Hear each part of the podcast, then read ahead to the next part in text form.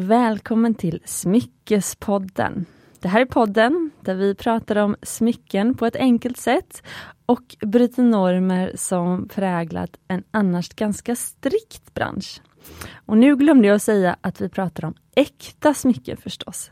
Det här är en podd för oss som älskar smycken gjorda av guld, silver och ädelstenar. Och eh, idag är första riktiga avsnittet av säsong 3. Nu har vi hållit på ett tag, Smyckespodden har funnits sedan eh, januari 2021. Och eh, nu börjar vi bli varma i kläderna här, det känns kul. Och jag har med mig två gäster. Det är tidigt på morgonen, det känns som att jag har en morgonröst, det kanske ni hör också som lyssnar. Um, men uh, mina gäster vet jag är uppvärmda, ni kom lite före mig till studion. Välkommen Hanna och Louise! Tack så mycket! Tack! Och eh, idag så har vi ett spännande avsnitt framför oss. Vi ska faktiskt introducera ett helt nytt tema i podden, där vi går igenom smyckesklassiker. Och eh, jag har ju bjudit in just Hanna och Louise för att de är de två mest eh, smyckesnördiga personerna som jag känner. Men en rolig grej är att de inte jobbar i branschen. Och jag tycker det är extra kul för att eh, då kan de förhoppningsvis vara liksom ännu mer oberoende än de som kanske jobbar och säljer eller producerar smycken. Sådär. Och eh, i det här temat med smyckesklassiker så kommer du som lyssnar få lära dig historien bakom och eh, varför just den här klassikern har kanske blivit så populär. Och sen kommer vi förstås prata om vad vi själva tycker om just den här klassikern. Och idag så kommer det handla om armband. Och Vi kommer prata om de två armbanden som nog står på mångas önskelista. I alla fall kanske något av dem. Och det är tennisarmbandet och Cartiers Love Bracelet. Och eh, Hanna och Louise, jag tänkte att eh, nu kanske det har tillkommit nya lyssnare och så efter semestern. Så jag tänkte att kan inte ni eh, berätta lite om er själva och liksom hur ert smyckesintresse började? Jag tänkte vi kan börja med Louise. Mm. Eh, jag har varit eh, smyckesintresserad sedan jag var barn. Jag var en sån där som eh, jag satt och gick igenom min mammas smyckeskrin och provade och tyckte att hon var som allra finast när hon hade på sig sina smycken. Hon, skulle, vi skulle, hon jobbade mycket med händerna i trädgården så att hon bar nästan aldrig ringar eller armband eller så men när hon skulle gå på fest då så satte hon på sig och tyckte jag, åh hon var så fin. Åh, lite som smink! Ja exakt. Hon, väldigt, eh, hon körde en, en väldigt eh, naturell stil men då till fest så fick det liksom ösas på. Så att jag har alltid eh, var, och jag minns också som barn att jag älskade allt som glittrade och blänkte paljetter och blanka material och sådär. En riktig sån... Skata. En riktig skata ja, precis. I god bemärkelse. Ja. ja. Har du någon sån favoritsmycke du kommer ihåg från din mamma? Ja, min mamma hade ett Bismarck-armband som också ju kan, kan betraktas som en, en klassiker, en svensk eller modern klassiker. Absolut. Eh, så det hade hon och eh, hade då som sagt bara på fest och det var ganska tungt minns jag. Nu var jag ju barn då så att jag, det kanske inte var så tungt idag men det upplevdes som att det satt liksom väldigt sådär. Det är kanske är därför som jag tycker att armband är väldigt kvinnliga och feminina. Eh, så att, eh, mm, det tyckte jag hon hade som var fantastiskt. Just det. Okej, vad kul. Så komma tillbaka till det här om armband. Men eh, först Hanna, vad, kan inte du berätta lite om dig själv och ditt smyckesintresse? Men jag tror ju att precis som Louise så man får ju det här från sina eh, föräldrar. Alltså min farmor och mormor hade båda ganska mycket smycken på sig alltid. Min farfar var eh, väldigt bra på att ge farmor ganska stora och ganska stökiga smycken. Hon fick en eh, total maffig enkarats diamantring när hon fyllde 50 tror jag. Och också för att farfar hade typ varit lite otrogen. Alltså det är lite sådana eh, grejer som också är. Men han, han var bra på att ge det... smycken eh, både som presenter och för att pudla. Så det ligger något bakom det där att eh, om man ger något fint så ligger det något bakom? I det här fallet gör det det. Eh, och sen, ja, jag tror, inte vi ska, jag tror inte vi ska hoppa ner i den grottan nej. för långt. Eh, men så, och sen pappa har varit väldigt bra på att ge mamma smycken. eh, och eh, hon har varit väldigt bra på att köpa smycken till sig själv. Ja. Alltså väldigt bra. Eh, och ganska bra på att vara lite out of the box i typer av ädelstenar och formar. Vi har inte alls samma stil men hon har ändå en ganska tydlig stil på vad hon gillar. Eh, och det där har jag tagit med mig så jag har liksom Smycken köper man till sig själv när man tycker att det gått bra och när man förtjänar det. Men det gillar jag för att det betyder ju också att man rår om sig själv om man tänker. Alltså om man tänker att man får smycken av någon som tycker om en. Om man då ger smycken till sig själv, då är det ett sätt att visa att man tycker om sig själv kanske på ett sätt. Ja och, och kanske också som, som då din farfar då när man känner att nej nu blev det inte så bra, nu måste jag eh, trösta mig. Alternativt göra bot och bättring. Precis! Ja, vad härligt! Eh, men är ni redo då för att eh, köra igång eh, tjejer om det här, eh, det här eh, avsnittet om armbandsklassiker? Absolut. Jajamän. Då kör vi!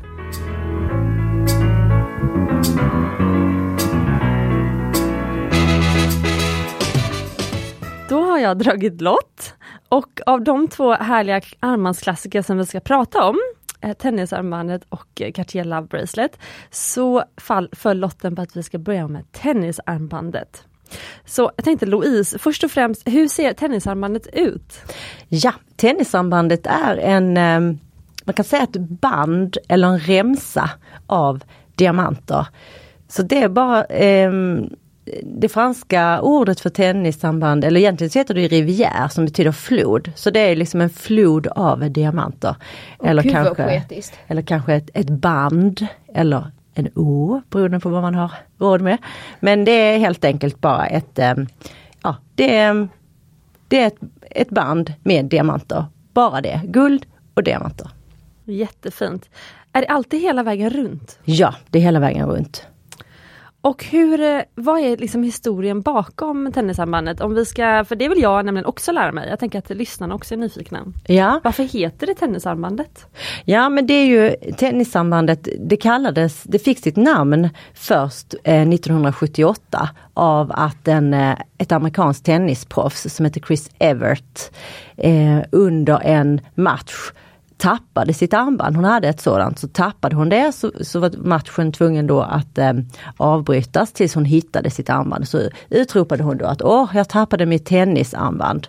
Så att, eh, att det heter tennisarmband, hade ju, hon hade ju, om hon hade varit golfproffs så hade det ju hetat golfarmband då. Eh, men för att själva armbandet har ju funnits sedan 1920-talet ungefär. Så det var inget som designades eh, för henne eller då, utan det har funnits sedan tidigare. Men jag tror att det fick liksom sitt allmänna genomslag som tennisarmband eh, då, och det var 1978. Okej, och vet man vem som hade gjort hennes armband? Nej, det vet man inte. Okej. Därför att, och det tänker jag också hör ihop med att det här är ju en, en eh, till skillnad då från det vi ska prata om sen, eh, Cartiers Love Bracelet, så är ju inte tennissambandet kopplat till någon särskild, eh, något särskilt juvelhus eller någon särskild smyckesdesign, utan det är en eh, någon slags eh, stapelvara bland, eh, i lyxsegmentet av juveler då. Som tillverkas av nästan alla smyckesdesigners och juvelhus med självaktning gör ju ett tennissamband skulle jag vilja säga. Är det alltså kriterien för vad som är ett riktigt smyckeshus? Att man har ett tennisarmband, tycker du? Ja, ja det kanske är det. Okej. Ja, Ja, men jag, jag, jag, jag, jag gillar det. Så då är Mumbai nybliven ett riktigt smyckeshus då? Ja, då för nytillkomna lyssnare så har jag ett smyckesmärke som heter Mumbai Stockholm. Och eh, jag har ju känt en, liksom, att jag borde, en sån här, jag borde ha tennisarmband i min kollektion.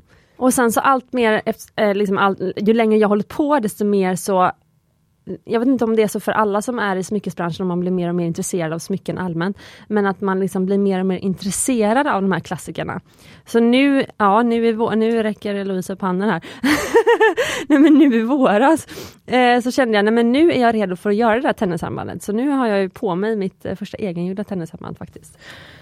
Ja, och det såg jag bara som hastigast här nu när du, eh, precis, men det som ser ut att vara väldigt fint på ditt armband är ju att låset också har lite stenar. Ditt, låset på ditt armband som du har designat ser väldigt mycket roligare ut än de klassiska. För de klassiska, eh, eller det man vanligtvis tänker på är ju ett sånt litet kistlås, ett minimalt, ett litet bläck som man för in, typ som i en kista. Och sen Med två det klaffar två, på sidorna? Ja, två låsåttor kallas det ju då som, som man eh, säkrar med på sidorna i små ploppar. Men, eh, och då, men med ditt så är väldigt mycket roligare ut tycker jag. Den mm. där var ju väldigt tjusig, får titta på den sen. Ja, ja, Men det var väldigt fint beskrivet faktiskt hur du beskrev låset. Eh, men det här är då som ett lås, alltså själva kistan som du kallar det, är ju som en rund ehm, eh, vad heter alltså, En halvsfär? Ja precis, som en, uh, jord, en platt jordglob. Eh, och så är det diamanter på ovansidan. Men det som är fint också som jag märkt, för att jag provar ju, eller jag bär ju alltid smycken, det här är egentligen en prototyp, för det är det första armbandet vi gjorde. Eh, men jag bär ju alltid dem för att känna hur ligger de och sådär på handleden eller om det är en ring, hur ligger de på fingret och så. Och det jag älskar med det här är att eh, den här kistan, eftersom det, det är liksom en rund sån klump, så ligger den alltid liksom med tyngdpunkten neråt. Så det är alltid bara den här liksom raden av diamanter syns ovanifrån. Och så under, liksom bara om, man, om jag viftar med händerna så när man pratar och så, då kan man ana låset. Eh, men för det är det som är grejen med tennisarmband, eller som jag ser tennisarmband, att man bara ska se den här länken egentligen. Det ska bara vara den här, ja, vad kallade du det? Du sa något väldigt fint. Ett band. Ja. Den lyxiga floden av diamanter. Ja, ja. precis! precis! Ordkonstnären Hanna och eh, Louise. Mm, precis så. Mm. Mm. Men då, då, undrar jag ju, tycker du att eh, det här eh, är det bekvämt? Ja, du kan få prova det. Oh ja, hemskt gärna. Ja. oh, skatan bara, oj oh, ja, ja, diamanter, kom kom. Ja, Hanna får hjälpa dig att sätta på det. Ja. Eh, men det här är lite roligt, det här med att hjälpa folk att sätta på smycken. Det kommer vi komma tillbaka till när vi pratar Love Bracelet. Så det är väldigt, väldigt kul. Och det här med eh, an, intressanta låsmekanismer. Så cliffhanger där då. Behöver jag lägga till det här i min anteckning att jag ska fråga dig om det eller? Nej, jag kommer ihåg det. Ja, bra. Men du Hanna, du, så, du är ju väldigt sportig. Och tennissambandet är ju kanske typ det sportigaste, den sportigaste juvelen. Dels för att den är kopplad då till eh, själva tennissporten då via henne. Men också för att det är så följsamt. Skulle du bära ett tennissamband när du är till havs? Eh, mm, alltså jag har ju faktiskt två armband som jag typ aldrig tar av som jag faktiskt har till havs. Det ena är ju gjort i tamp så jag vet inte om det räknas. Eh, men det är nog mer sannolikt än, än ringar. Eh, men uh, det är nog mer att det hade varit opraktiskt och i vägen om man varit rädd att fastna och skada det liksom. Jag kan ju dela för lyssnaren att eh, Hanna är ju, om ni känner igen Hannas röst, så är det för att hon eh, var kommentator för seglingen på OS. Mm. Eh, alltså tv-kommentator och jobbade i studion där. Eh, nu, var det för ett år sedan, två år sedan? Ett år sedan, mm. ganska precis. Mm, så att du jobbar ju professionellt med liksom att kommentera och skriva om segling och så. Mm. mm. Eh, men tycker du att det är eh, Alltså för att jag skulle inte säga att det ser sportigt ut, det ser ju hur glammigt ut som helst, det ser motsatsen till sportigt ut. Det ser nästan lite Östermalmsdamigt ut. Ja. Men jag kan ändå bottna i det ibland. Jag tänker att drömmen hade ju varit att haft så pass mycket pengar att man hade kunnat unna sig ett lite bredare och kanske vara så här färgstenar. Är det fortfarande tennisarmband om det inte är diamanter förresten? Om jag hade gjort det i Safirer hade det fortfarande varit ett tennisarmband. Ja men idag så kommer de i alla möjliga eh, då kommer de ju med färgstenar. Men jag tänker i, sin, i sitt ursprungliga utförande så var det vita diamanter. Men idag så kommer, finns det ju tennissamband med färgstenar och med olika fattningar med eh, där stenarna, för den här är klofatt Eh, stenarna sitter i klofattningar men det finns ju också med sån eh, sargfattning där mm. varje sten ligger i en liten sarg eller kanalfattning. Så att eh, jag tror att du kan, du, om du inte vill vara den absolut mest traditionella så kan du absolut köra på färgstenar. Men då säger du snälla tomten jag skulle vilja ha ett med kanske chokladdiamanter. Oh ja, oh, ja vad fint. Så ni, får, ni, får, ni kan skriva referensbrev till tomten då? Att det, det, det skriver vi under på. Precis, det jag saknar i designväg och som liksom i mitt huvud, för jag designar alltid bara i huvudet i princip. Mm. Eh, det är alltid så jag får nya idéer. Men i mitt huvud kommer alltid en, en liksom variant på tennisarmbandet upp där det inte är diamanter hela vägen runt. För de blir ju så ursäkta språket, men förbaskat dyra. Ja. Och jag, nu när jag gjort ett eget så att säga, eller i våra studios har gjort ett, ett tennisarmband och jag vet ju precis vad allting kostar i termer av material och diamanter och guld och sådär. Mm. Guldet som för övrigt, alltså sen jag började, jag vet att vi räknade på, när jag började 2014 så räknade vi på ungefär 200 230 kronor per gram för 18K. Alltså nu är det uppe, ibland är det uppemot 600 kronor per gram för 18K på liksom åtta år, så det är helt sanslöst. Men i alla fall nu när jag vet vad allting kostar, då blir jag upprörd om jag ser ett tennisarmband som kostar typ 30 000 kronor. Eh, för jag är så här, okej okay, men då är det ingen arbetskostnad medräknat i det nästan överhuvudtaget. Eh, och eh, då är det gjort i något eh, land där de antagligen fått ganska dåligt betalt och så vidare. och Så vidare. Så att så här, tennisarmband, om det ska vara ett riktigt och välgjort och etiskt gjort, tycker jag då, liksom tennisarmband, ja men då blir produktionskostnaden så det kostar långt över 50 000.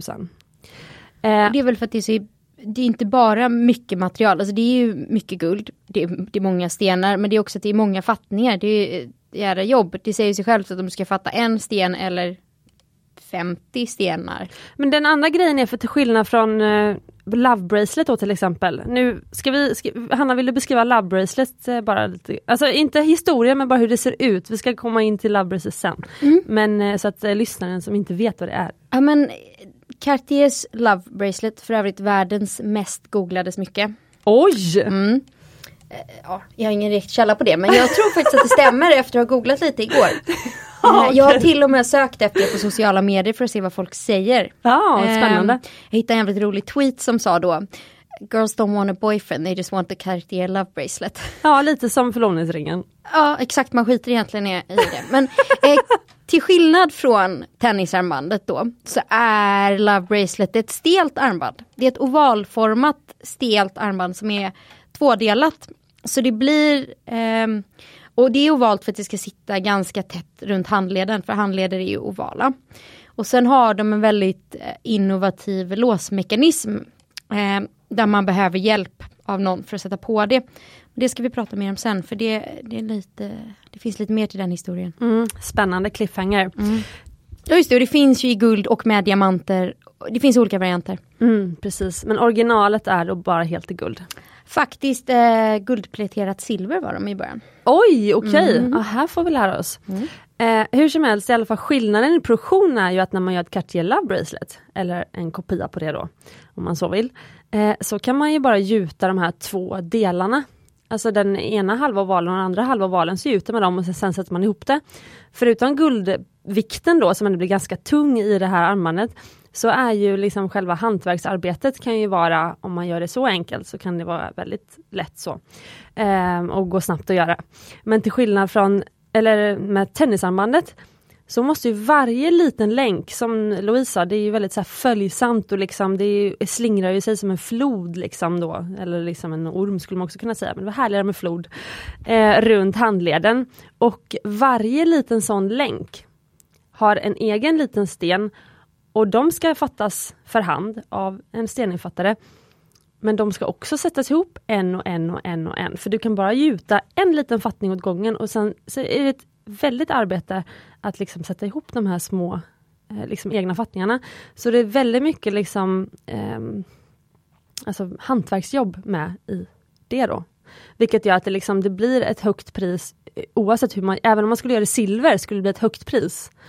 Om du förstår vad jag menar. Ja, och det är ju precis så att det um, och det som också tänker jag gör tennissambandet väldigt eh, trevligt, det är ju att det är stenar. Så om vi nu tänker på Love, ja Lovebracet finns ju också med stenar. Men det här är ju en annan, eh, det, jag tycker ju att tennissambandet är glamoröst och eh, elegant och faktiskt väldigt användbart. Så som du bär det idag med eh, andra armband också. Alltså att mm. man kan stacka det då eller ha det tillsammans med andra armband eftersom att det Eller kanske bredvid sin eh, klocka eller så. och, och sen då naturligtvis ha flera. ja precis. Ja, verkligen. Eh, men eh, jag tror att vi ska ta en omröstning i slutet och se kart, eh, Love Bracelets versus tennisarmband och se Mm. vem som, vad vi tycker och vilket vi hade valt. I Det like. lär väl kanske bli, jag är ju världens sämsta åsiktspokerface, så vi får väl se var vi landar. Men eh, jag tänker ändå vi tar upp det i slutet. Bra idé. Jättebra, jag har skrivit upp det här. Ja. Eh, för det jag skulle vilja fråga dig Louise, det är, finns det verkligen ingen som liksom gjorde, eller som man kan liksom sätta stämpeln på, det här är en person eller ett varumärke som förknippades med det första tennisarmbandet. Du sa ju att det inte riktigt fanns det, men när jag tänker som Hanna sa, tennisarmbandet som en klassiker, då tänker jag till exempel solitärringen. Det är också en sån klassiker liksom, som ska finnas i eh, alla garderober, eller som många liksom vill ha då till exempel. Eh, men och den görs ju också, och då sa Johanna det här, då kanske den finns i de flesta smyckesmärkens liksom, utbud. Och det finns ju solitärringen. Eh, men man förknippar ju ändå solitärringen med Tiffany's som liksom, i historien så var det Tiffany som på 50-talet liksom verkligen promotade solitärringen som liksom Diamond is a girl's best friend och förlovningsringen och det här kärleksbudskapet från en man till en kvinna och sådär. Det finns, fin, det finns alltså ingen som liksom har liksom det avtrycket i historien på tennisarmbandet. Alltså jag ska inte ta gift på att det inte gör det. Nej. Det kan göra det. Men ingenting som jag hittade i min eh, research då. Nej. Så att, eh, nej, jag tycker jag, men däremot om man tittar på, som sagt i det närmaste de flesta eh, juvelhusen så erbjuder de ju tennisarmband. Ja. Så att, eh, nej men jag, jag har inte hittat det. Har du, har du hittat det Hanna? Hos juvelhus? Nej men jag menar har du, Ja, nej, men jag- förknippar du Nej men jag tror att jag har en teori Ja. om varför det kan vara som det är. Vi har precis pratat om varför det är dyrt och, och klurigt att göra och så. Ja. Eh, solitärringen finns ju från liksom ganska överkomliga till Sky's the limit, nu har jag en eh, isrink på mitt finger. ja, det är sant. Och det är ur marknadsföringssynpunkt så det är enklare att bara, här är en diamant. Men jag tror att ett tennisarmband är lite mer för finsmakare. Det är inte lika... Folk fattar nog inte hur komplicerat, svårt och eh, exklusivt ett tennisarmband är. Men alla vet hur dyr en diamant är, så marknadsföringspitchen är liksom lättare. Och det, så det är svårare att liksom ta det här och hitta någonting på det sättet. Precis, för bilden jag sett framför mig i huvudet, jag kommer ihåg, jag kom aldrig till punkt där. Eh, men det var ju att kan man liksom kapa bort ett gäng diamanter och till exempel ha kedja på undersidan och bara diamanter uppe på till exempel.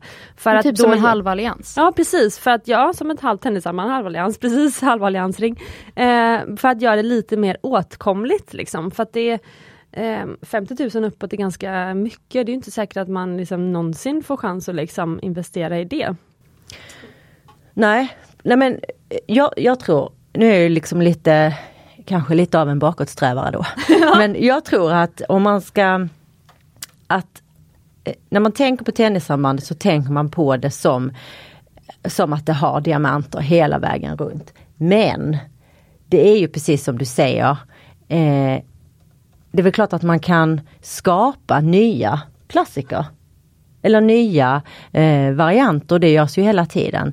Och jag menar jag skulle jättegärna ha tennissamband men eh, alltså 50 000 uppåt. Som, som jag kommer ihåg att du sa eh, Cecilia när vi pratade om solitärring, jag tror det var när jag intervjuade dig för min lilla krönika, det var att du sa att ja, eh, det är klart att man kan lägga jättemycket pengar på ett smycke. Eller så kan man eh, fördela den pengen på flera smycken och få, få någonting annat och få mer och få flera olika. Så att eh, jag 50 tycker 000, du kan ju få typ en bra början till en basgarderob. Du kan ju få en ganska okej, liksom schysst liten vit diamantring. Du får kanske två snygga örhängen med äkta stenar. Du, du skulle kunna kanske få någon slät guldring. Jag menar då har du ju smycken. Då har du ju liksom. Ja men jag håller helt med. Och sen så tänker jag också så här nu om man skulle spara ihop 50 000 kronor. Tänk om man skulle göra det. Så säger man, ja men jag kan avvara 500 kronor i månaden. Ja då tar det, eh, då är det fem, Tio år typ. då tar det 10 år ja. Och när jag då har sparat ihop 50 000 kronor och bara nu ska jag undrar om jag verkligen skulle känna att du ska bränna alla de här pengarna på ett smycke. Exakt så har jag tänkt om vissa grejer som jag sparar till. Mm. När man väl har de pengarna så... Mm. Ja! Men jag vill ändå ge en liten eh, eh, alltså relatera till eh, när jag köpte hus och så har jag sen jag var flyttade hemifrån så har jag aldrig unnat mig en bra soffa. Och så har jag alltid tyckt att det är för dyrt med soffa och så har jag köpt små skitgrejer, höll på att säga, men kanske någon fin vas eller liksom fina grejer men som inte kostar som en soffa. Eh, och sen så var jag så här, nu ska jag köpa hus och jag vill spara en del av eh, min liksom, handpenning. Jag vill inte maxa husbudgeten. En del av det, liksom, det jag skulle kunna lägga handpenning, det vill jag lägga på en soffa. Så alltså jag var benhård. Men sen, alltså, sen när jag väl hade fått, eh, jag fick liksom offerten på soffan och skulle betala soffan. Och, alltså det tog mig två månader att liksom okeja och att liksom betala den här soffan och säga nu kör vi. För att för att precis som du säger, äh, ska jag verkligen, ska jag verkligen? Sen bara, jo jag lovade gamla Cecilia, Cecilia för några år sedan lovade jag att jag skulle göra det här så nu ska jag liksom göra det för henne. Ja, och, fint. Och sen har jag inte ångrat det ska jag säga. Nej, för gamla Cecilia blev jätteglad ja. och nya. Ja, precis. Och alla som besöker Cecilia är jätteglada kan vi säga, för det, det är väldigt skönt att sitta i soffan. Ja. Säga. Men, men jag har också en teori om det här med att spara jag håller nog med att det är svårt att gå och spara till saker länge men jag har en, en jag har en skånsk jungfru till mor. Hon är ja. väldigt ordningsam så det är väldigt mycket med det här med sparkapital och att jag har en summa där den ligger där man liksom kan. För att jag Vissa grejer är jag sjukt snål med. Det kan vara så här, men ska jag verkligen köpa extra trosor nu jag har så att det räcker? Alltså så här, löjligt nivå. Men sen kan jag också vara så att jag blir drabbad av vissa saker och då kan jag så här lägga asmycket pengar Typ utan att ha tänkt igenom det överhuvudtaget. Mina kompisar tycker att det är väldigt roligt. För jag jag hade, jag hade jobbat jättemycket i våras. Och så tänkte jag, men jag skulle vilja unna mig en ny sommarväska. Så hade jag hittat en så här, men ganska färgglad, kul väska. Väldigt många influencers har den från ett franskt märke som heter Jacquemus. Och jag bara, men en gul eller en grön, fan vad kul. Eh, pratade med min syrra som är liksom handväskguru, det är hennes grej. Eh, hon bara, ja men den är fin och det är väl kul och den är inte så dyr. Det är liksom ändå för en handväska. Alltså, nu kommer jag låta så världsfrånvänd här, men den kostar kanske 6-7 tusen. Och det, det är ändå så här, det är en hyfsat billig handväska om man pratar märkesväskor. Jag tror många som lyssnar på Smyckespodden kan relatera. Ja, och, eh, så tänkte jag, men jag kanske så här, jag, jag, jag, ska kolla mina alternativ. Så jag hade faktiskt varit och spelat in den här podden tror jag. Mm -hmm. mm. Och så gick jag på stan, för vi sitter ganska nära väldigt många butiker. Så gick jag runt, jag gick till Nathalie Schutterman där de bland annat har det här märket för jag tänkte jag skulle titta på storleken och lite sånt. Och rakt över gatan så ligger det en annan butik. Ja, både du och jag har varit där Cecilia och drabbats av, av saker. Är det Louis Vuitton? Nej, Gucci. Ah, ja, mm. ja. Och det var som att när jag gick in i dörren, de har en dörrvakt som öppnar, man får bara vara in vissa. Och rakt framför mig så står det liksom, ni vet som när man ser filmer, bara änglarna börjar sjunga, det är som en halo. Och jag bara, okej. Okay. Och jag bara, så går jag in och hon bara, här kan jag hjälpa dig? Jag bara, ja men jag har egentligen letat efter typ något sånt här, något färgglatt. Och så började jag typ beskriva, hon bara, ja vi har ju de här marmontväskorna. För jag sa att jag tänkte spendera så här mycket. Men jag bara, det där, får jag fråga vad kostar den? Och så säger hon någonting och jag bara okej. Okay. Får jag titta på den? Eller jag, jag tittar nog inte ens på den. Men jag går därifrån. Och kan liksom inte sluta tänka på den.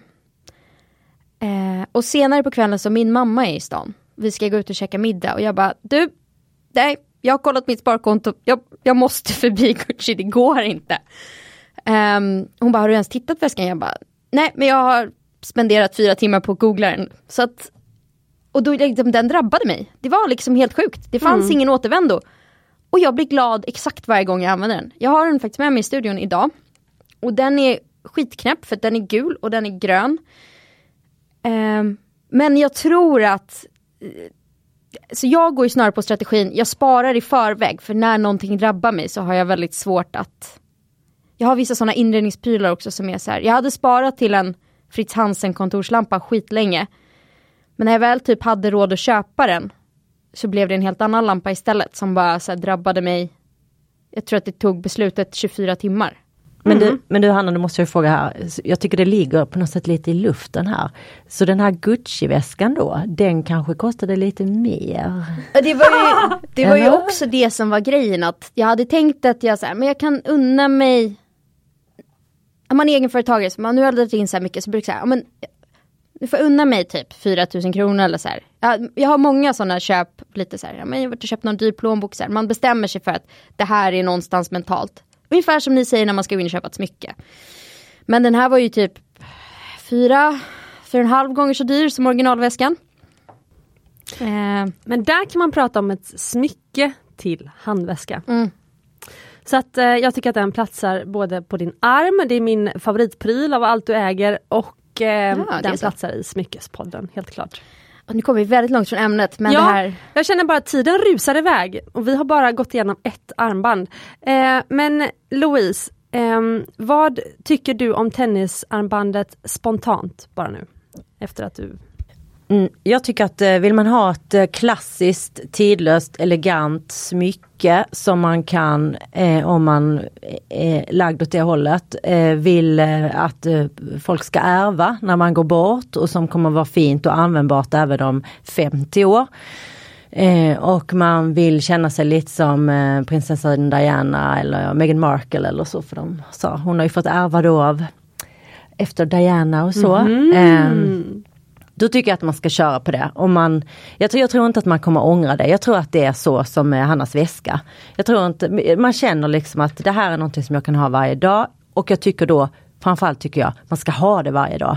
Om man köper ett så dyrt smycke så ska man använda det så mycket det bara går. Så att, vet du det, pris per användning blir så låg som möjligt. Precis! Så jag personligen kommer jag nog kanske inte köpa ett sådant till mig själv. Eh, det, kom, det kommer ganska långt ner på listan eftersom att jag har en massa andra saker jag vill köpa först. Men alltså om jag av, av någon underlig anledning skulle bli fruktansvärt förmögen och framgångsrik då, så skulle jag ju självklart köpa det. Jag förstår. Men det är inte det första du hade rusat ti- till? Nej. Nej. Vi har faktiskt lekt den här leken jag och Louise när du inte varit med. Om du får en miljon och du ska droppa den på smycken, vad köper du då? Och ingen av oss har sagt tennisarmband. Nej. Okej, det är spännande. Så då ska jag, eh, en dag ska jag fråga er vad ni skulle köpt då istället. Eh, men finns det någon nackdel med tennisarmbandet? Ja, eh, det är väl att det är kanske lite tråkigt. Ah, okej. jag Om man, om man känner så här att nej men jag vill ju ha smycken som, eh, som är stökiga eller står ut eller säger någonting särskilt om just mig. Så ska man ju kanske inte välja ett sådant ehm, ja, väldigt allmängiltigt juvel sådär. Så möjligtvis att det kan vara lite, lite, lite tråkigt. Och sista frågan nu. Finns det, om man tänker den rollen som tennisarmbandet spelar i en eh, liksom, smyckesälskares basgarderob. Finns det då något alternativ för den som tycker som du att det inte är värt pengarna eller det är tråkigt eller sådär. Man vill inte ha tennisarmband. Vilken roll kan något annat armband fylla då kanske? Eller samma roll? Ja, bra. Det var en bra fråga. Då tycker jag ju att eh, eh, ett annat armband med samma i samma stil, det vill säga eh, ett mjukt följsamt som hänger, inte då ett stelt. Ja, till exempel en enkel sådan. Eller en Bismarck-länk. Ja, om man... Lite smalare sån. Ja, kanske det är en Bismarcklänk eller en sån här eh, liten tunn länk med någon, det, kanske, det kan ju räcka med en sten kanske, en sten mitt på eller om man vill ha Ja men överhuvudtaget om man tycker att man vill ha någonting kring handlederna i den här stilen som liksom ja, bara finns där och som är väldigt lättburet. Så Men tycker- fint, något klassiskt kedjearmband Ja, det enkelt. skulle jag säga. Mm, kul, det var, mm, det var bra tycker jag. Eh, Okej, ehm, men då ska vi gå vidare till Cartiers Love Bracelet. Ja. Eh, och eh, Hanna, kan du, bes- ja, du har beskrivit hur det såg ut. Mm. Det var ett stelt armband. Ja. Och Cartier då, det är ju ett, ett riktigt eh, juvelhus, det är franskt. Ehm, men Love Bracelets skapades faktiskt inte i Frankrike på huvudkontoret utan 1969 i New York. Och eh, Aldo Cipollolo, det var hans första liksom, så stora hitsmycke och jag tror att hade han liksom levt idag så hade han nog varit, eh, bara, dang. Jag skapade något ikoniskt. Och han var chefsdesigner på Cartier, eller? Nej, han var bara 27 år gammal så han flyttade från Italien till USA. Eh, och så började han jobba på Tiffany. Eh, och sen så bytte han från Tiffany till Cartier. Och det här var liksom en av de första grejerna som han gjorde för dem. Så att Wow. eh, snacka om liksom nybörjartur är väl fel, han hade jobbat på Tiffany innan men liksom han hittade rätt ganska fort. Det var ju kanske rättvist då för att annars kanske Tiffany hade fått monopol om de båda hade gjort solitärringen eller marknadsfört solitärringen och Love Bracelet. Exakt och jag tänker ju ändå att om man då ser en så här marknadsföringssynpunkt så vinner nog Cartier i det här för att alla kan göra solitäringar. Du kan liksom inte patentera en solitäring men det kan du ju med det här Love Bracelet. Eh, alltså jag måste säga, nu går vi lite händelserna i förväg men det har blivit så otroligt populärt det här armbandet så att det kommer mycket förfalskningar. Så äkta eh, Love Bracelets har ett litet serienummer i sig så att man kan spåra deras äkthet. Och det är tacksamt när du har då en, en länk som är stel för du kan ju gravera saker på insidan. Så att det går. Och hur blev det så ikoniskt? Hur blev det så populärt? Alltså här har jag ju både Eh, gjort lite research och har mina egna teorier. Men det vi kan börja med att så här, det finns en legend om att från början så såldes det endast till par. Eh, så det, det är ju ett love bracelet, det är ju ett kärleksbevis. Eh, och det har att göra med den här specifika låsmekanismen. Jag fick ju hjälpa Louise på med tennisarmbandet men love bracelet är liksom i två delar och det är som en liksom som sitter som små skruvar runt. Och då har man en special eh, skruvmejsel. Och det är typ skitsvårt att sätta på själv så att man behöver få det eh, ditsatt av sin, ja, förhoppningsvis då älskade. Eller den man har fått det av. Eh, så det är en väldigt så här, det är egentligen en ganska industriell design på det. Eh, och väldigt så här, minimalistisk men med en, en liksom väldigt romantisk undertanke. Eh, och det kan man ju tycka är lite coolt. Eh, men ja, nu- svarar jag inte på din fråga utan jag går in på någonting helt annat här. Men, eh, har ni hört om konceptet kyskhetsbälte? Ja, och jag läste också det där om att eh, dåtidens feminister tyckte att det påminde om eh, kyskhetsbältet, alltså att man att ens partner skulle liksom låsa in en. Eh, men sen så men sen googlade jag lite till då och då hittade jag en artikel av Dick Harrison, alltså Historikern? Ja, och som menade att kyskhetsbälten, det är bara en myt. De har liksom aldrig funnits. Utan de har tillverkats av tillverkats för samlare på 1600 och 1700-talen. För att de tyckte det var liksom lite spännande och läckert. Ah, liksom lite exotiskt och lite Ja, här, som en, en kittlande tanke fast det har liksom aldrig riktigt funnits och inte använts. Möjligen så har det använts som ett slags som en slags våldtäktsskydd för fina damer när de skulle ut på vägarna. Men det tror man inte heller. Så kyskhetsbältet är liksom en, en idé bara. En myt. Ja, Okej. Nu, Jag vill bara tillägga här, om det var massa oväsen så var det för att eh, jag ville öppna, det blev så torr luft här inne. Eh, så att det blev massa oväsen både när jag öppnade fönstret och sen kom in efteråt tror jag, så nu stängde det igen. Men jag kyske, så om ni poddlyssnare undrar vad som hände så var det jag som stökade runt. Men eh, nej, berätta om kyskhetsbältet Ja, men Hanna. ett, ett kyskhetsbälte är ju typ som en trosa i metall som man låser för att bevara en kvinnas oskuld. Ja, jag, jag har också tänkt att det är en myt alltid. Ja, eh, men, men den myten finns ju i alla fall. Och då är liksom tanken med hela Love Bracelet är att det här ska vara liksom en modern take på det. För att armbandet sitter där om du inte skruvar upp det med specialnyckeln. Och då kan man ju separera nyckeln och armbandet. Så att din älskare har nyckeln och du visar att du liksom är claimad med ringen. För eh, vet ni vad jag har hört då från insidan på smyckesbranschen så är det ju vissa män vill ju inte bära förlovningsring. Men de kan tänka sig att bära ett Cartier Love Bracelet. Så vissa har ju de här Love Bracelets som liksom istället för förlovningsringar. Och, och det var mycket så i början. De, jag tror att det blev så poppis för att det var dåtidens liksom Cara Delevingne och sådana par. Frank Sinatra och hans fru hade matchande. Oj, det Ja. var ju kul. Okej. Eh, och sen har nog fallit lite i glömska. Och vi ska prata om, vi måste prata om pengar eh, i det här fallet. Hanna älskar att prata om pengar. Nej men jag tycker att det är intressant i det här fallet. Ja. Eh, för att i början, när det första eh, liksom guldpläterade eh, Cartier Love Bracelet släpptes, då kostade det 1900 dollar i dagens penningvärde. Eller 250 dollar då, 1900 dollar idag. Alltså det är typ 18 000 spänn. Mm. Idag kostar standard Love Bracelet som är 6,1 millimeter utan stenar, utan allt, det billigaste i rött eller roséguld. Eh, 77 500 spänn på den svenska sidan. Okej, för att jag tror att det kostade 50 000 när jag började, så då har det nog följt med, det var 2014, Mm. så det har nog följt med mm, guldpriset då, upp till 77 000 just nu tror jag i alla fall. Eller typ, vi ska prata om en annan liknelse, vi ska prata om Chanel-väskor sen. Jaha, okej. Så Mm. att, ehm, eh, ja men jag tror det också.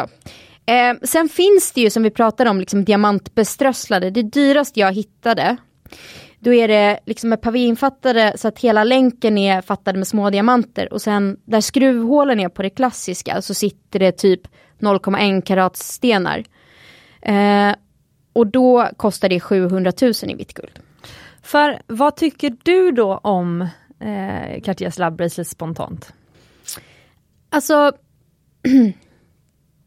jag ska nog av, jag ska, jag ska liksom få ta min take på varför jag tror det har blivit populärt och sen varför jag, jag tror att det liksom Alltså jag tror att det är på, ungefär som med solitärringar, så det pratade vi om förut, alltså det, är, det har blivit en statussymbol.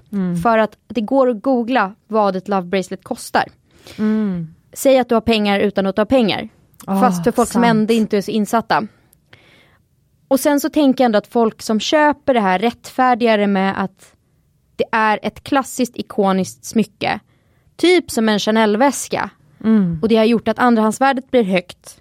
Och det har också gjort att Cartier liksom trissar upp priset för att man köper det. Det är som en Hermes Birkin eller en liksom eh, Ja men en klassisk Chanel flapbag tror jag. Så att jag tror att priserna har gått upp inte bara för att priserna har gått upp. Ja, men tyvärr tror jag att du har rätt, eh, just att man köper det som en statussymbol för att eh, jag hade en norsk eh, tjej som kom in eh, och liksom kärade ner sig i en ring som vi hade. Och det var med en chokladdiamant, en solitär med chokladdiamant faktiskt. Och så var den ju eh, ganska dyr, alltså eller liksom Det var en stor sten antar jag. Ja, högt pris liksom. Och eh, det var nog i klass med din Chanel-väska. Eh, och eh, sen så kommer hennes kille in och ska liksom, för då ska han förlo- fria till henne, hon har väl hintat och lite sådär. Så då var det så här, men vilken, kom han in till mig faktiskt, för jag tog emot honom. Ja, vilken ring var det min tjej gillade? Och så visade det var den här, så här, den är helt underbar så här. Jaha, varför ska jag köpa den? Nu får du motivera för mig, varför ska jag lägga så mycket pengar på den ringen? Det är ingen som kommer se att den är dyr. Han var mäklare i Stockholm, jag vet inte om det är ett visst eh, släkte eller inte. Men ehm, ehm, han eh, köpte då inte liksom att han, alltså, att han skulle köpa den här ringen för den såg inte så dyr ut. Så då han valde någon annan. annan. Jag blir helt mållös alltså. Uh, jag blir helt matt. Och, och uh, det här, det, jag måste bara säga det här pavé infattade uh, 700 000, det är så vulgärt. Jag smäller av. Alltså. Alltså, fast det finns ju andra smycken. Alltså hade jag behövt tvungen lägga 700 000 på ett smycke så finns det ju andra grejer jag hade köpt. Jag ska köpa ett sånt, om jag blir, om jag blir helt liksom, vansinnigt rik, ska jag köpa ett sånt till dig, tvinga dig att ha det. Kan du inte köpa det vanliga då för 50 liksom? Nej, nej, du ska få det för 700. Ska du ha det varje gång vi ses? Och du tar, du tar... ehm, Jag tar nyckeln. Okej. Ja men så att... ehm, jag har en tanke att det är ju faktiskt en enkel och stilig design. Precis som med tennisarmbandet så går det ju att bära med många. Och sen är det ju också, att det är inte bara grejen att man ska själv bestämma sig för att droppa så mycket pengar. Utan helst så ska man ju lyckas tala in i sin partner att den ska köpa det till en. Så ska de ha nyckeln för att liksom upprätthålla den här grejen. Och helst har jag sett på influencers i Stockholmsmaffian så ska man bära det tillsammans med eh, Cartiers Justin Clou. Vilket jag ändå tycker är coolare, den här spiken som är wrapped som kostar typ 75 i startpris. En av de två, kanske två eller tre sådana här eh, love bracelets för verkligen så här. Och så gick jag in och googlade på folk som jag tror borde ha det, eh, borde ha det igår. Och då kollade jag på liksom tre, fyra influencers i samma kompisgäng. Alla hade det. Mm, precis. För jag tänker två grejer när jag hör allt det här. Det är, ena är att det som jag brinner för i smyckesbranschen, vilket är liksom få liksom, framförallt kvinnor då, att eh, liksom tycka att de kan köpa smycken till sig själv och att det är helt okej. Okay. Att man inte måste liksom skaffa en väldigt smyckesintresserad man liksom för att man ska liksom kunna köpa smycken ungefär. Vilket tyvärr är det som jag upplever i smyckesbranschen är mycket. Eh, så att jag känner att det motarbetar, storyn med Cartiers Love motarbetar det jag liksom brinner för i smyckesbranschen. Eh, det andra är att eh, det finns inte så många statussymbols armband så att säga. Så de kvinnor på Rivieran eller liksom italienska liksom, ja, Amalfikusten eller här, om man är på semester Portofino. där. Ja precis. Eh, de, alltså det finns inte så många statsarmband, det skulle väl vara tennisarmbandet då. Men annars är det bara Cartiers Love Bracelet som är, eller Juston Clou, den här klon, liksom, äh, vad säger jag, eh, spiken som går runt eh, handleden. Det är liksom de två armbanden som alla vet är dyra, det har samma statssymbol som en dyr väska som Hanna säger. Och så det slutar med att man kan sitta på stranden och så ser man liksom en kvinna med typ fem sådana armband. Så typ tre olika liksom eh, det finns, det finns en smalare variant och lite. Liksom. Ja, och så två kyss on clue. Och så, för att det är det de lägger pengar på för att syns att de, liksom, det är det som känns igen. Det och så flera Chanel-väskor i olika färger. Ja, och då känner jag så här, men alltså de hade kunnat ha något enormt vackert liksom handgjort opalarmband eller alltså det finns så mycket vackert de hade kunnat ha istället. Men ett opalarmband, jag vet inte om det är att den här, eh, vad ska jag säga, oäkta smyckes, alltså bijouterismyckesmarknaden, att de har använt så mycket plaststenar och glasstenar och sånt att skulle man ha ett dyrt vackert stort opalarmband så skulle alla alla så att säga inom citattecken ändå tro att det inte är... Tror att det är bish? Ja, tror att det är bijouterier, att det är billigt eller inte tillräckligt dyrt och så vidare. Så då köper de inte det. Men jag, jag satt och tänkte på, förra gången vi var med tillsammans så frågade jag vad har ni tänkt på för smycken av lately? Och det är faktiskt, ett av mina är ett armband. Mm. Det är ett, en stor guldlänk från ett svenskt modehus. Och eh, alltså det är, det är jättestort. Jag har visat det för Louise. Ja men det är från, eh, jag tror det heter Brick eller någonting. Ja det är från Engelbert. Jättestor mm -hmm. tjock guldlänk som är liksom, den är bara asmaffig.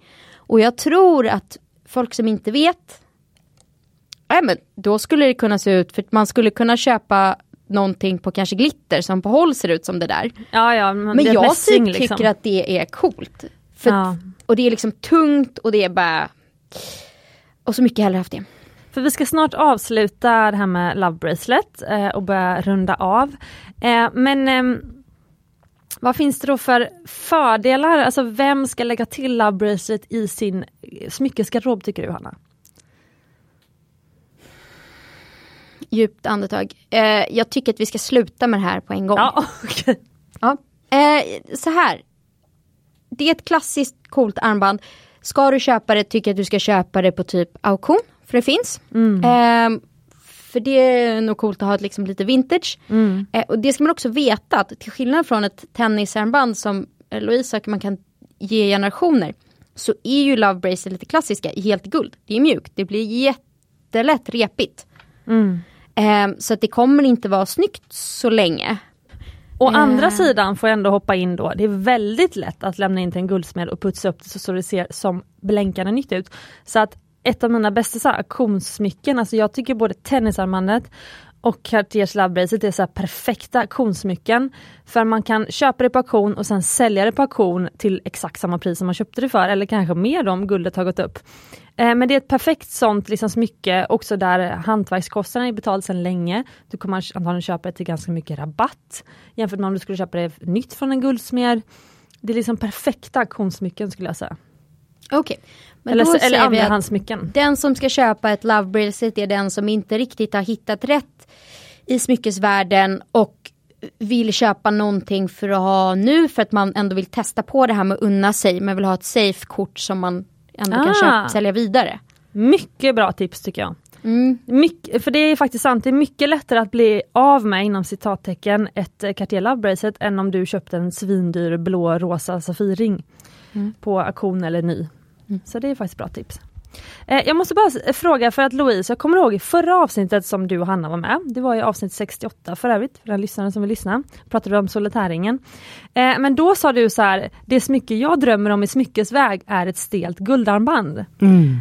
Men det var inte Love Bracelet då eller? Nej absolut inte. Jag, okay. jag är precis eh, team Hanna här. Jag tycker vi borde avskaffa eh, Love Bracelet. Ja nej utan jag vill ju hellre ha en handsmidd eh, stel armring av en svensk eh, juvelerare eller guldsmed smyckesdesigner. Ja. Jag, jag, jag, är inte intresserad av, av det där. Jag, jag, tycker också dessutom att det är vackrare när den är lite kupad. För Love Bracelet är ju helt platt. Mm. Den är oval men helt platt. Och jag tycker att det ser ut som att man har tagit en bit stål och verat runt.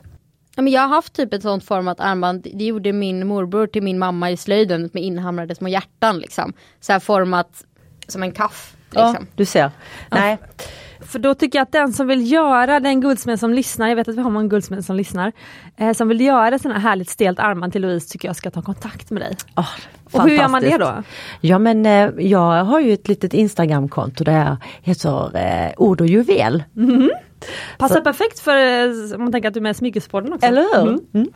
Så ord och juvel med lite understreck Ord emellan. understreck juvel. Ord understreck och understreck juvel. Ja, härligt. Eh, och eh, jag måste bara säga till Hanna för att Cartier Love Bracelet är ett av mina stora designproblem med det armbandet. Och det kan också ha att göra med att det är gjort av en eh, man. Men alltså det är så grabbigt. Det är liksom, alltså min kille skulle ha kunnat designa det som är jättemotornörd alltså, och gillar att snickra och hamra och sånt.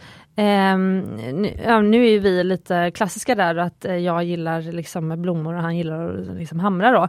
Men um, men eh, alltså det är ju, och även kyss Clou, det är en, en det är liksom, alltså Cartiers Love Bracelet är skruvar. Och Juston Clou är en spik. Alltså det finns ingen tjej som hade, eller Ja, nu var det väldigt mycket mina egna åsikter här, men jag tänkte fråga dig Hanna, det är ju, du gillar ju ändå lite manliga armband, eller smycken, förlåt ska jag säga.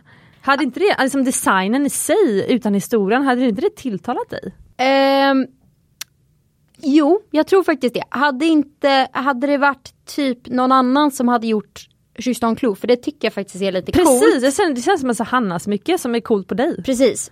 Problemet är att världen har sabbat Justin Clou för mig. Ja, ja. förstår. Eh, och så, så nu är det lite för, för jag gillar, jag vet inte om du minns, men när vi var yngre in, precis när du hade startat Mumbai så visade jag en sketch på där jag typ ritade upp en mutter. Jag bara, det vore ju fett coolt att ha det som ett halsband och så hade man satt diamanter på insidan. Just det!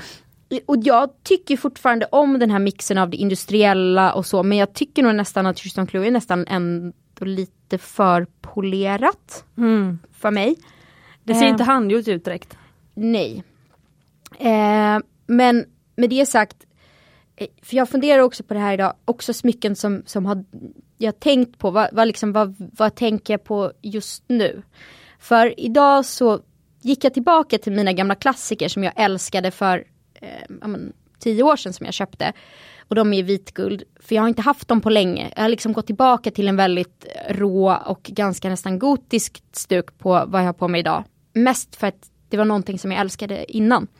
Och fortfarande, ja, jag gillar det.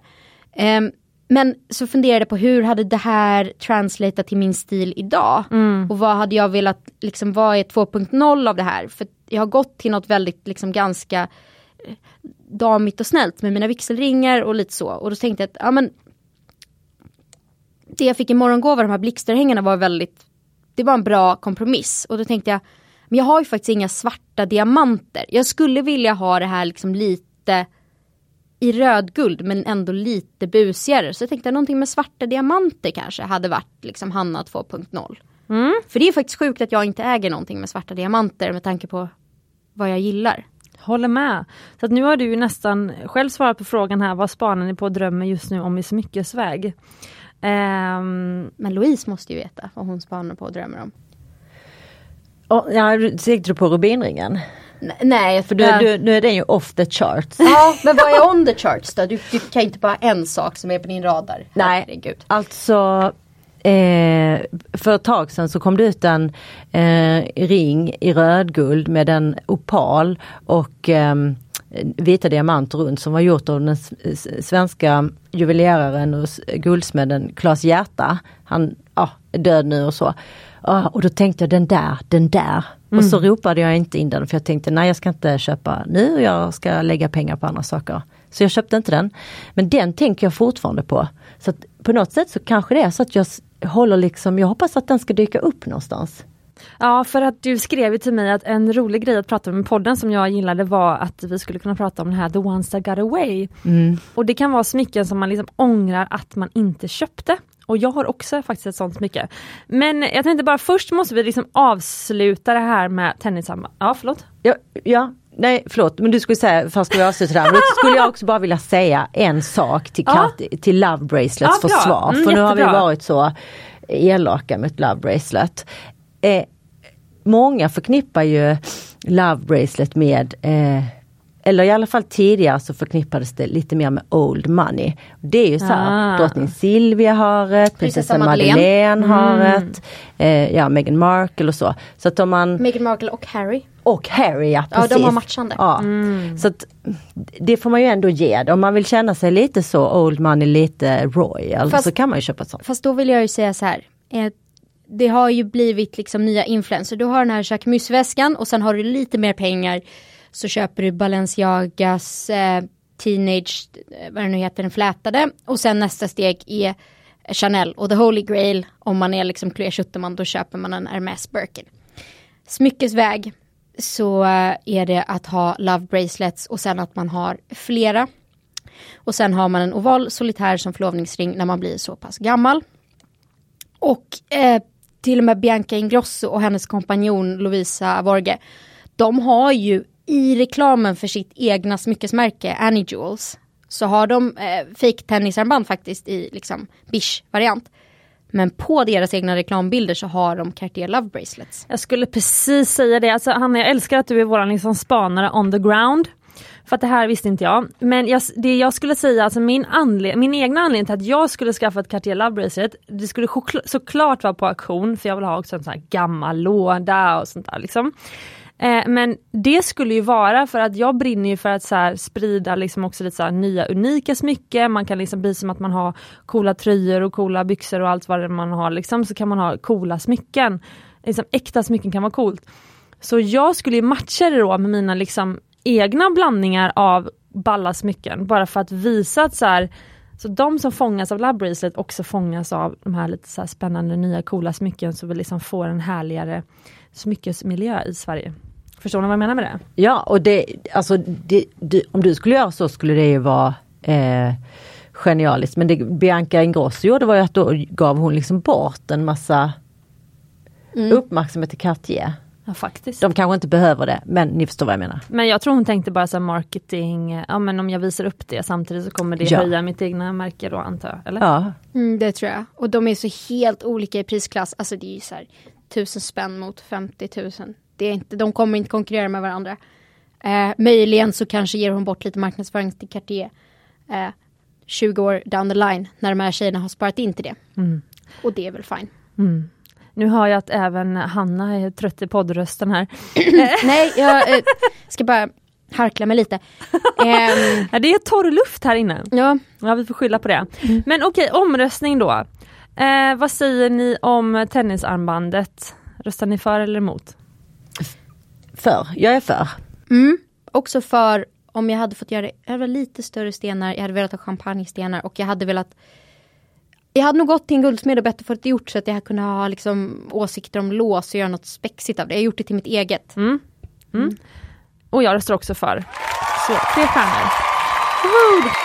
Och eh, Cartiers Love Bracelet, röstar ni för eller emot? Emot. Emot. Emot. Okej, Härligt! Men eh, tusen tack för att ni kom. Jag inser att jag har glömt att fråga vad ni har på er för favoritsmycke idag. Så vi har typ en minut kvar tills någon annan ska få studion. Så att innan vi bara avslutar, eller som avslut kan inte ni bara säga pinpointa något smycke ni har på er idag som ni är en gammal favorit? Mm. Jag har ju Famous from the första poddavsnitt, eh, Ringen, som Cecilia kallat Bi, men som faktiskt är en, eh, en gargoyle, en sån här kyrkosmycke med en stor citrin från Maria Nilsdotter.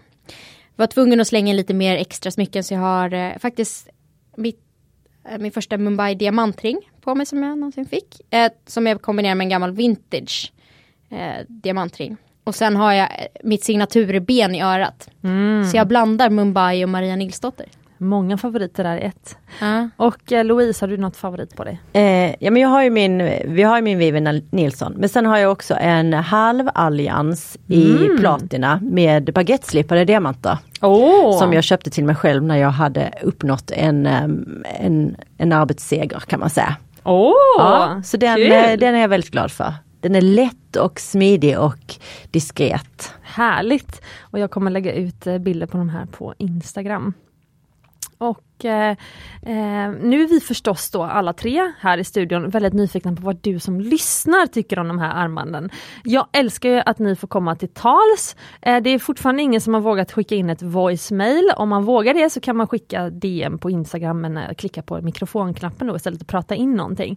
Men annars får man jättegärna skriva och då får man ju såklart vara anonym. Men jag gillar ju att dela lite vad ni tycker och tänker även här i podden då. Eller även kanske stories på Instagram och så. Så att eh, dela jättegärna vad ni tycker och ehm, eh, Om man har andra klassiker som vi ska avhandla. Jättebra! Vi har en lista på klassiker som vi tänkte snacka om. Eh, jag tyckte det här var ett så kul ämne och jag älskar att ha er åsiktsmaskiner med i podden. Eh, så att eh, om ni har någon klassiker som ni tycker att eh, Louise och Hanna ska grilla så skriv det också. Eh, och sen så också för er nytillkomna lyssnare så måste jag också berätta att det, om du gillar podden, det bästa sättet du kan göra för att eh, eh, vi ska fortsätta med podden och vi ska ha ännu fler härliga gäster och sånt som kommer hit, så eh, kan du rita Smyckespodden. Du kan klicka stjärnor på Spotify eller i Apples eh, poddspelare. Eh, och eh, ju fler lyssnare vi får, ju fler stjärnor vi får, desto mer sprids det. Och ehm, då blir alla väldigt glada och då kan vi fortsätta med podden. Mm. Har ni något ni vill säga till lyssnarna? Om någonting drabbar er, se alltid till att ha en liten det här drabbar mig budget. Alltså har man möjlighet att ha lite så. För att det är inte kul att sitta som Louise och bara tänka på ett opalsmycke. Nej, det vill, ingen ska behöva ha det så. Just det, så The Ones We Got Away, den blir till nästa gång. Ja. För jag har ju ett som jag ångrar att jag inte köpte. Jag har faktiskt inget, men kul. Så att eh, mm, det blir en cliffhanger. Och sen ska jag säga också till er lyssnare som har hängt med sedan start och som fortfarande är med oss. Tusen tack, det är så roligt att ni är med.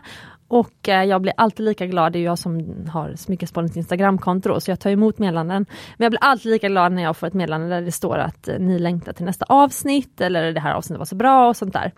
Så det är fantastiskt. Så med de orden så önskar vi er en riktigt härlig dag och glöm inte att du är värd äkta smycken och ädelstenar.